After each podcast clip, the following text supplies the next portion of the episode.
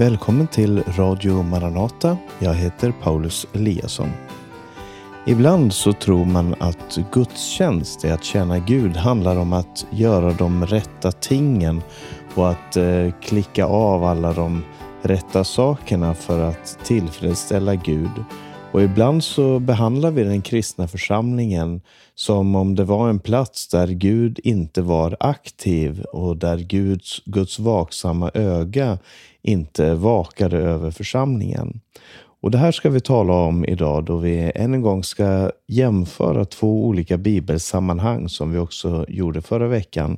Och Den här veckan ska vi se på en text i tredje Mosebok i de hebreiska skrifterna, Gamla testamentet och det andra från apostlagärningarna i de grekiska skrifterna, det nya testamentet. Och vi ska se hur två olika historier belyser varandra och skapar en helhetlig bild som kan vara till undervisning för oss idag.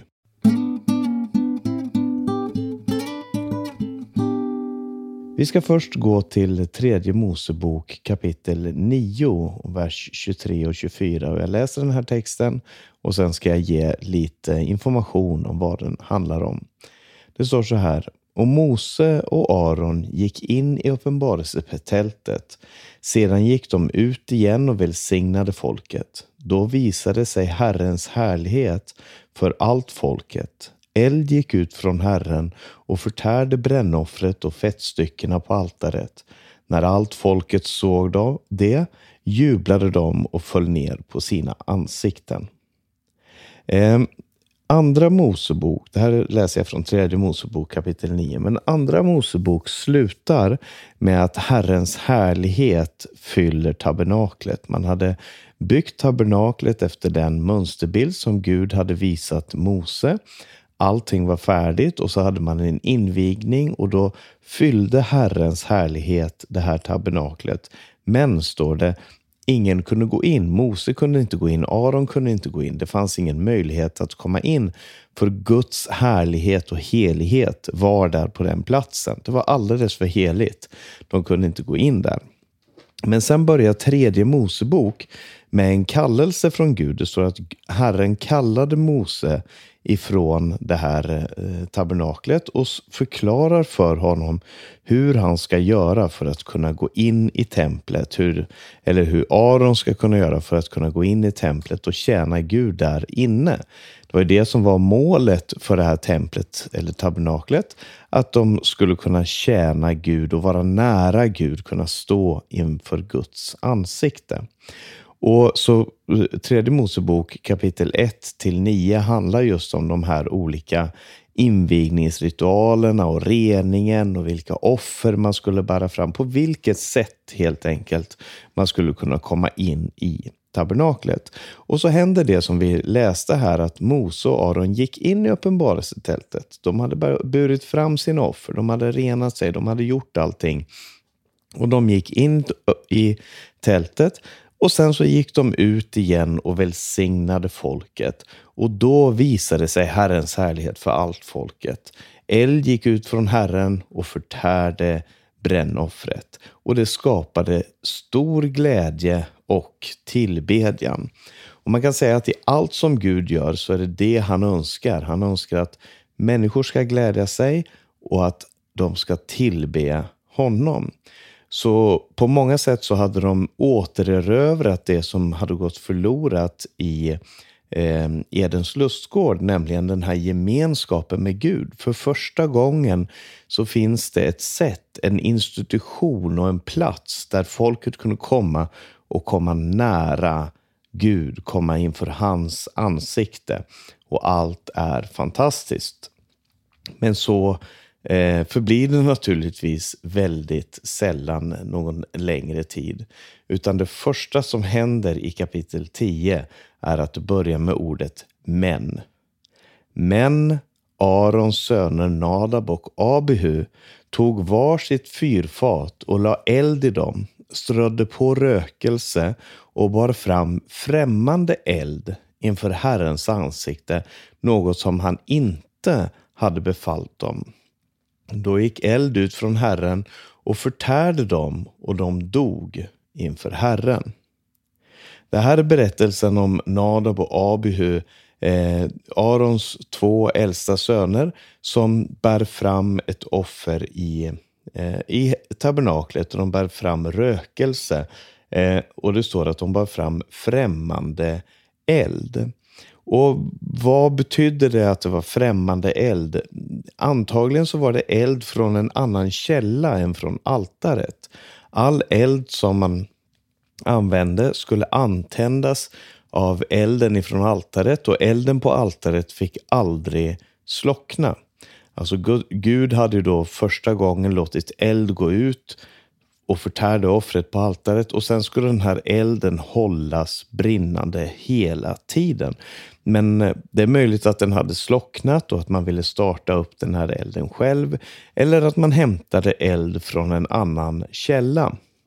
Och det gjorde att det blev en främmande eld. Sen är det också möjligt att de var fulla när de gjorde det här. Att det kan ha inverkat på saker och ting. För att lite senare i texten så står det att ingen präst får, vara, får dricka vin när han tjänstgör. Men hur som helst så, så står det här i den tredje versen så här. Och Moses sa till Aron, detta är vad Herren har sagt. På dem som står mig nära ska jag visa mig helig och inför allt folket visa mig härlig. Och Aron teg stilla. Så poängen i det Gud säger, anledningen att det här skedde, var därför att de behandlade det som var heligt som om det var oheligt.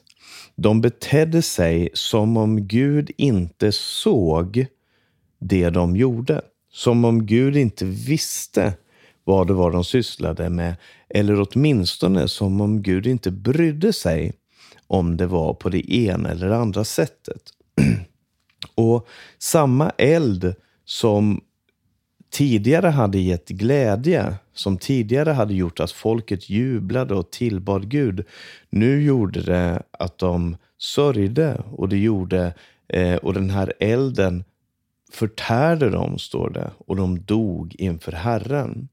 Eh, så den här elden som går ut ifrån Herren, den är som, som elden ifrån solen. Alltså vi vet att eh, solljuset, det kan ge glädje, det kan ge värme, det, ger, det skapar liv här på jorden. Och det upp, framförallt upprätthåller det livet som vi har på jorden. Utan solen skulle inget liv kunna existera här på jorden. Och, eh, eh, men å andra sidan så, så är ju solen livsfarlig. Kommer man för nära den eh, eller eh, är man ute för länge eller så, så om man behandlar den på fel sätt, om man inte närmar sig den på rätt sätt, så är den förtärande. Eller som atomenergi som ju naturligtvis eh, är otroligt bra att använda när det används på rätt sätt, men som också kan vara oerhört farligt när det behandlas på fel sätt. Och Det är en lite svag bild, det inser jag. Men, men helighet handlar just om det här att Gud, eh, man kan inte komma inför Gud hur som helst, utan det måste ske på ett heligt sätt. Och då, när man säger det så låter det som att Gud förväntar sig väldigt speciella ritualer, att allting ska ske på ett minutiöst sätt. Men, men det yttre här, det var korrekt. Det de gjorde till... Alltså det var ingen människa som kunde se på det här och säga att nah, men det där de gör där borta, det, det verkar som att det är fel. Utan det yttre, allt det yttre verkade som att det var rätt. Men det var någonting i själva väsendet till det de gjorde, i själva eh, eh, naturen i det de gjorde som var falskt. Det fanns ingen som kunde ställa sig och bedöma det de gjorde och säga, Aron kunde inte säga, men vänta nu, nu, vänta nu, nu har ni gjort något fel här. Utan det var bara Gud som såg det som hade blivit fel. Och den här berättelsen, att den är så nära kopplad till det som sker innan och att den överhuvudtaget finns i Bibeln, det är ju naturligtvis för att Guds folk då skulle läsa det här och lära sig vad det betyder att komma nära Gud och att vara i närheten av Guds helighet. Eh, det var inte så att varje gång som någon gjorde fel eller varje gång som någon eh, förändrade på ritualerna eller gjorde några småfel så, så straffade Gud det med döden. Så var det absolut inte. Det här var en, Eh, stort sett en, en unik händelse. Eh, även om vi ska se på någonting liknande som händer i Nya Testamentet så är det helt klart att det här är en väldigt unik händelse. Men den berättas för att lära folket vad Guds helighet betyder.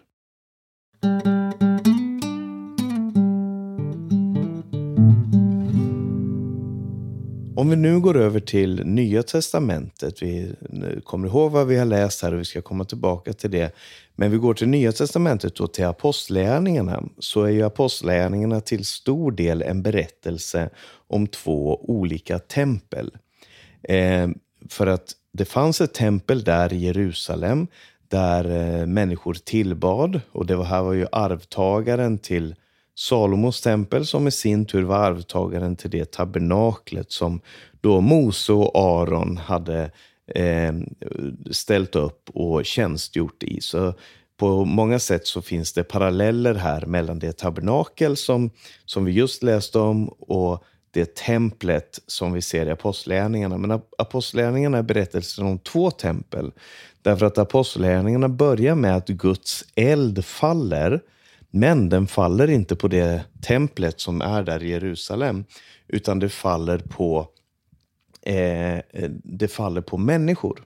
Det faller på människor som ber Gud om att få andens kraft. Och så står det att anden föll över dem så, och, och, tog formen av, av tungor av eld som fördelade sig på var och en av dem.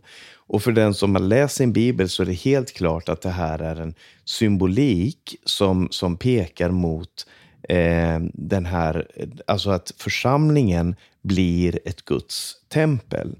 Och de utvecklas till att bli en fungerande församling, en fungerande gemenskap som älskar varandra, som tjänar varandra och människor runt omkring sig och som förkunnar Guds ord var de än är. Och om man går till Apostlärningarnas fjärde kapitel så finns det ett välkänt sammanhang, i alla fall om man är, eh, har lyssnat mycket på Maranataförkunnelse, så är det ett väldigt välkänt sammanhang i Apostlärningarna kapitel 4 och ifrån vers 32.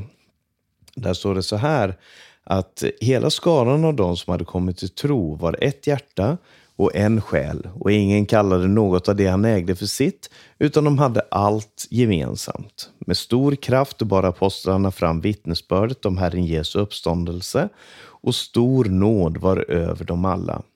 Ingen av dem led någon brist, för alla som hade mark eller hus sålde sådant som de ägde och bar, bar fram betalningen för det som sålts och la ner det vid apostlarnas fötter och man delade ut åt var och en efter hans behov. Även Josef, en levit från, född på Cypern som apostlarna kallade Barnabas, det betyder tröstens son, hade en åker. Han sålde den och bar fram pengarna och lade dem vid apostlarnas fötter.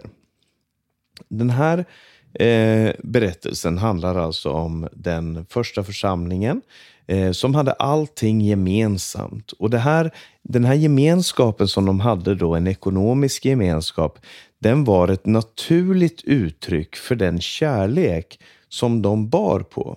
För dem var det helt naturligt att eftersom vi älskar varandra, eftersom vi eh, ser varandra som syskon, eftersom vi är en gemenskap i Gud, eftersom vi är Guds tempel, en helig ande har flyttat in i oss, så är det naturligt för oss att dela med dem som har nöd. Det är naturligt för oss att se församlingen och se de människor som behöver hjälp och säga här kan jag hjälpa till. Jag har någonting som mina syskon behöver och lika naturligt som det är för mig att gå och hämta ifrån min skattkammare för att ge någonting till mig själv när jag behöver det, är att hämta ifrån min skattkammare och ge till andra när de behöver det. Just därför att vi är syskon i Herren. Och, eh, var, och Allt det här var naturligtvis frivilligt. Det var ingen som kunde tvinga dem till att eh, sälja och, och ge någonting, utan det här var någonting som eh, kom ifrån ett hjärta som var generöst. Och det här var ett resultat bland annat av det som står i vers 31. Står att efter att de hade haft en bön i förföljelsetid så står det när de hade bett skakades platsen där de var samlade och de uppfylldes av alla av den helige ande och förkunnade Guds ord med frimodighet. Det påminner väldigt mycket om det vi läste om den här, eh, Israels folk i öknen när härligheten fyllde templet och eld gick ut ifrån tabernaklet och eh, förtärde offret och folket gladde sig och de föll ner och tillbad. Och den heliga Ande här skakar om platsen där de befinner sig. De fylls av den heliga Ande och de förkunnar Guds ord med frimodighet. Men eh, om man känner mönstret så vet man att det ska komma ett men. Och det gör det direkt här i kapitel 5 också. Som det gjorde i, i tredje Mosebok 10 så kommer det i Apostlagärningarna 5 eh, ett men. Och så står det så här ifrån den första versen, om vi ska läsa några versar framåt här i Apostlagärningarna 5. Men en man som hette Ananias sålde med sin hustru Safira en egendom och smusslade sedan undan en del av betalningen med hustruns vetskap. Han bar fram resten och lade vid apostlarnas fötter. Då sa Petrus, Ananias, varför har Satan fyllt ditt hjärta så att du ljög för en helig ande och smusslade undan en del av pengarna för marken? Var det inte din så länge du hade den och när den var såld var inte pengarna dina? Varför bestämde du dig i ditt hjärta för detta? Du har inte ljugit för människor utan för Gud. När Ananias hörde de orden föll han ner och dog och stor fruktan kom över alla som hörde det. De yngre männen kom och svepte honom, bar bort och begravde honom. Omkring tre timmar senare kom hans hustru in utan att veta vad som hade hänt. Petrus frågade henne, säg mig, sålde ni marken för det beloppet? Hon svarade, ja, för det beloppet. Då sa Petrus till henne, varför kom ni överens om att fresta Herrens ande? Se, de som har begravt din man står vid dörren och de ska bära bort dig också. Och plötsligt föll hon död ned vid hans fötter. När de unga männen kom in fann de henne död och de bar bort och begravde henne bredvid hennes man. Stor fruktan kom över hela församlingen och över alla andra som hörde om det. Den här berättelsen den är skrämmande, den är eh, otäck, den är fruktansvärd och, och varje rationell person eh, reagerar ju naturligtvis med styrka och med, med förskräckelse. Precis som det står att församlingen gjorde här. Som stor fruktan kom över hela församlingen. Och det måste man ju säga att det, det gör det när man läser något sånt här. Man, man reagerar naturligt.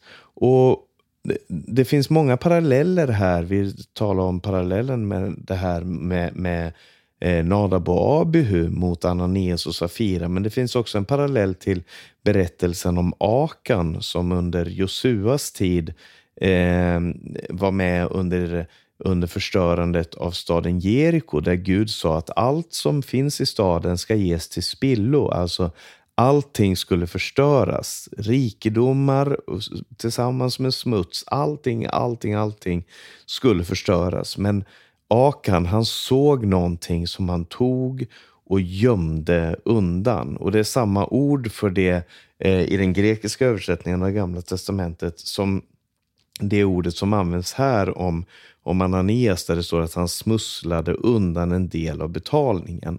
Så Akans synd var att han, han drabbades av, av den här girigheten och, och ha-begäret eh, och gömde undan en del av det som Gud hade sagt, det ska ges till spillo.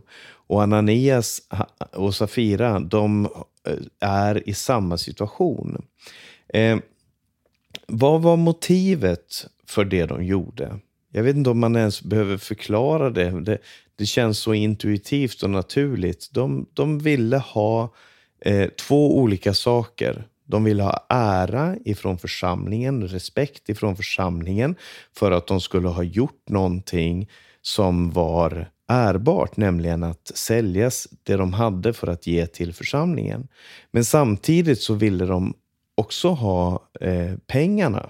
De ville bevara någonting, för en försäkran för sig själva när det gäller pengarna.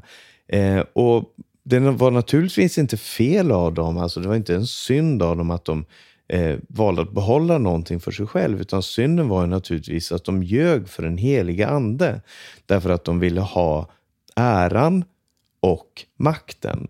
Eh, Barnabas, som det står om i kapitlet innan, han som sålde sin gård, han, hans motiv var att hjälpa församlingen, att se till att församlingen fick den hjälp de behövde, att de fattiga i församlingen skulle överleva. Det var hans motiv. Men precis samma gärning till det yttre, det man kunde se var precis samma sak som hände med Ananias och Safira. De, eh, men de var, eh, det var... Till det yttre var det identiskt och det kunde inte avslöjas av något mänskligt förstånd. Men i sitt inre så var det någonting helt annat. Istället för att vara fyllda av den heliga ande så var de fyllda av Satan. Och det här ger vingslag in i vår egen tid. Därför att det finns massor av främmande eld som ser verkliga ut. Och Gud, varje gång, han, han, han söker verkligen inte efter det yttre, utan han söker efter det inre i människan. Och Man kanske kan tycka att ja, men Gud kunde väl ha valt en annan taktik i den här situationen. Han kunde ha varit mer delikat och finkänslig. Han kunde ha sagt det här till Petrus i hemlighet. Eller Moses och Aron kunde ha tagit Nadab och Abihu till sidan och sagt att ja, det här var inte så fint, det här borde ni ha skött fin, bättre och, och gör så här och så här så blir det bättre. Eller haft någon annan taktik. Men, men det som hade result varit resultatet då hade varit att församlingen hade ruttnat. Men istället så st står det både i tredje Mosebok och i Apostlagärningarna att stor fruktan kom över hela församlingen och de som hörde om det. Och därför att härlighet och helighet kan endast bo tillsammans med sanning. Och det behöver vi lära oss. Och om det här skakar om vårt samvete, om det här frågan om vår inre motivation, vad det är som är vår drivkraft i livet, om, om det är Guds, det som Gud önskar eller om vi har alternerande motiv. Om det skakar om vårt samvete, om det gör oss rädda, bekymrade och så vidare. Fantastiskt, det är bra, för då finns det ett hopp. Då finns det möjlighet till förändring. Om det här bara gör oss likgiltiga, om vi tycker att nej men det här, jag lever på mitt sätt, jag gör på mitt sätt, då är det fara och färde. Och jag vill inte exemplifiera i den här situationen och berätta att precis så här eller så här, tänk på de här sakerna, kanske du har problem med det här i ditt liv. Därför att det handlar om det dolda livet och det är bara den helige Ande som kan skapa en förändring i ditt och mitt inre så att vi förändrar våra liv och börjar leva på det sättet som är Gud till ära. Som gör att vi kan leva i helighet och i närhet till Gud, som ju är Guds mål i varje situation. Men han önskar att vi ska komma till honom med ärlighet, med helighet och inte med ett delat hjärta, inte med hyckleri, inte med falskhet, inte med en, en yttre helighet, utan med ett helt hjärta som är hängivet honom och hängivet andra människor. Därför att vi kan börja reglera och vidta åtgärder i, i stort. Vi, församlingen i, i, där i Jerusalem, de hade kunnat börja säga att ja, men det är viktigt att vi nu sätter upp de här reglerna så att ingenting liknande ska kunna hända. Att man gör ordentlig räkenskap, att man lägger fram kvitton, att man berättar berättar sanningen och att vi har förhör, att vi konfronterar och så vidare. Eh, och Det hade säkert kunnat lösa de här problemen på många sätt och jag tror att det kan finnas en plats för det. Men det hade inte löst själva grundproblemet, nämligen att eh, främmande eld, alltså att falskhet är en främmande eld i Guds församling och det borde det vara i varje situation. Vi behöver skapa en kultur som är hängiven den sanna elden, som är hängiven den sanna motivationen. Och därför, för att komma till rätta med det här, så behöver vi möta Guds härlighet och helighet och söka hans ansikte. Därför att om vi har den här längtan efter Gud och kärleken fyller oss, alltså Guds kärlek fyller oss, så kommer det att bli en naturlig konsekvens att man vill lägga bakom de här falska motiven och söka Guds kärlek av hela hjärtat. För Jesu kors, det är lögnens död. Och när man kommer till Jesu kors och får se det han gjorde för oss, att se hans död och uppståndelse och se att den heliga Ande är verksam i vår tid, då måste all den här lögnen och falskheten dö. Och då kan vi få se att den rena och heliga elden blir verksam i Guds församling. Amen. Vi ska alldeles strax lyssna på sången På apostlarnas tid med Kristina Imsen, där en av verserna nämner bland annat det här berättelsen med Ananias och Safira. Men först så ska jag bara ge några avannonseringar.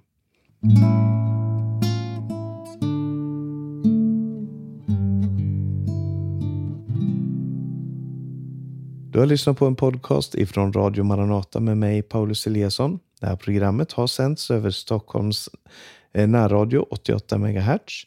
Och du får gärna vara med och sprida de här programmen till andra också om du finner dem Eh, om du finner undervisningen givande. Om du har några frågor eller kommentarer så kan du skicka en e-post till info eller ring 070-201 60 20. På hemsidan maranata.se kan du höra de här programmen, läsa tidningen Minnesropet och se Radio Maranatas övriga sändningstider. Sprid Guds välsignelse till alla du möter och på återhörande.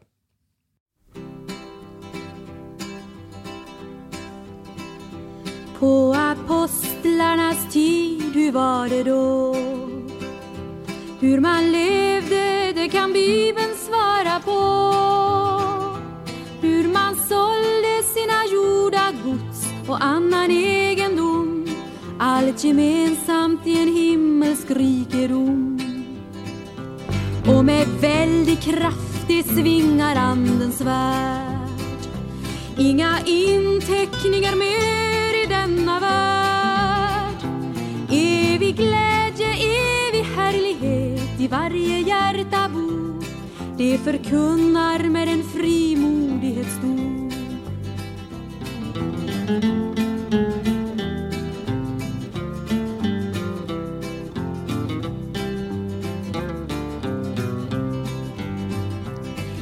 Gemenskapen fanns ingen som led nöd.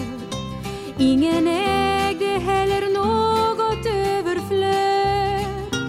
Ty av armod och av överflöd man lagt sitt offer ner inför honom som till varje hjärta ser. Men alla de som trodde höll sig tillsammans och hade allting gemensamt de sålde sina jordagods och vad de eljest ägde och delade med sig därav åt alla eftersom var och en behövde. Och ständigt var dag vore de endräktigt tillsammans. Två apostlar var på väg till middagsbön. Given gåva hörs en ofärdig mans bön. Silver, guld, det har vi inte men vi ger dig vad vi har och i Jesu namn den mannen botar var. Ananias och Safira också det sålde gården men vad ingen skulle se det tog undan åt sig själva och bar endast fram en del. De föll döda Herren straffar deras spel. I historien har många stora män ändrat Bibeln så den skulle passa dem. Men om någon tager bort ett enda utav Jesu ord har han mist sin plats vid Lammets bröllopsfest